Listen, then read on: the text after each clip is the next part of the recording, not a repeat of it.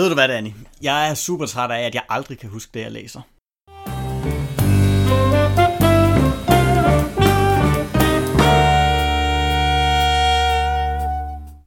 For cirka et års tid siden, der ringede jeg til min ven Christian og, og spurgte om ikke vi skulle begynde at snakke om nogle af de bøger, vi havde læst. Fordi ligesom du hørte i introen, så havde jeg faktisk også den oplevelse, at, at de bøger, vi læser, de bliver ikke rigtig til noget konkret. Det bliver bare en inspiration, som bliver forsvinder i blandt alle de andre øh, inspirationer, der er kommet fra andre bøger. Og det er ikke kun et spørgsmål om, at vi ikke kan huske, hvad vi læser. Ja. Det er også et spørgsmål om, at det tit bliver meget abstrakt. Så læser man en eller anden forfatter, der har nogle gode idéer. Ja. Men hvordan får man det egentlig omsat ja. til noget, man kan bruge i sit eget liv? Og derfor besluttede vi os for at lave den her podcast, hvor vi i hver episode finder en bog, snakker om vores tre yndlingsidéer fra bogen, og hvordan vi har brugt dem i vores liv.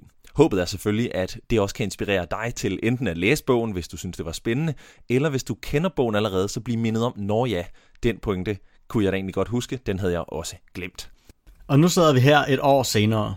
Vi har optaget en sæson på syv episoder, som vi udgiver hen over sommeren. De første par stykker ligger allerede klar. Hvis du har kommentarer eller boganbefalinger, som du gerne vil dele med os, så giv endelig lyd på de sociale medier, eller kontakt os gennem vores hjemmesider. Du finder Danny på liljekrans.com og mig på christianstål.com. Musikken er leveret af podcastthemes.com. Velkommen til.